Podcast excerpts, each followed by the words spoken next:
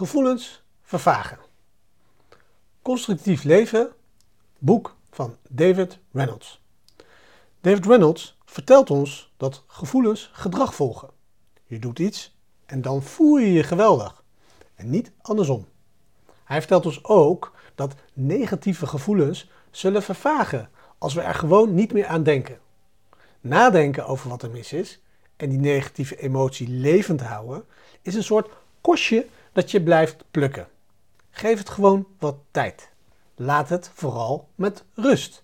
Laat het zichzelf genezen. Een andere metafoor, waar ik dan ook vaak op terugkom, is het stoppen met herkauwen. Spuug het uit en ga verder. Laat het gevoel verdwijnen. En als je merkt dat je in die negatieve emotionele toestand verkeert, gedreven door gedachten in een lus, gooi dan elk ander hulpmiddel dat je kunt en nodig hebt erop los. Mindful labelen, actieve liefde, stof, wat er ook voor nodig is om te stoppen met het herhalen van de gedachten die dat negatieve gevoel in leven houdt. De microles van vandaag is wederom een vraag. Heb jij negatieve gevoelens die je graag de deur uit zou willen zetten? Welke daarvan zou je het liefst nu direct willen loslaten? Het!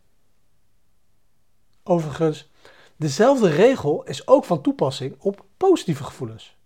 Als we niet willen dat die vervagen, moeten we onszelf eraan herinneren waarom we zo enthousiast zijn en wat ons blij maakt.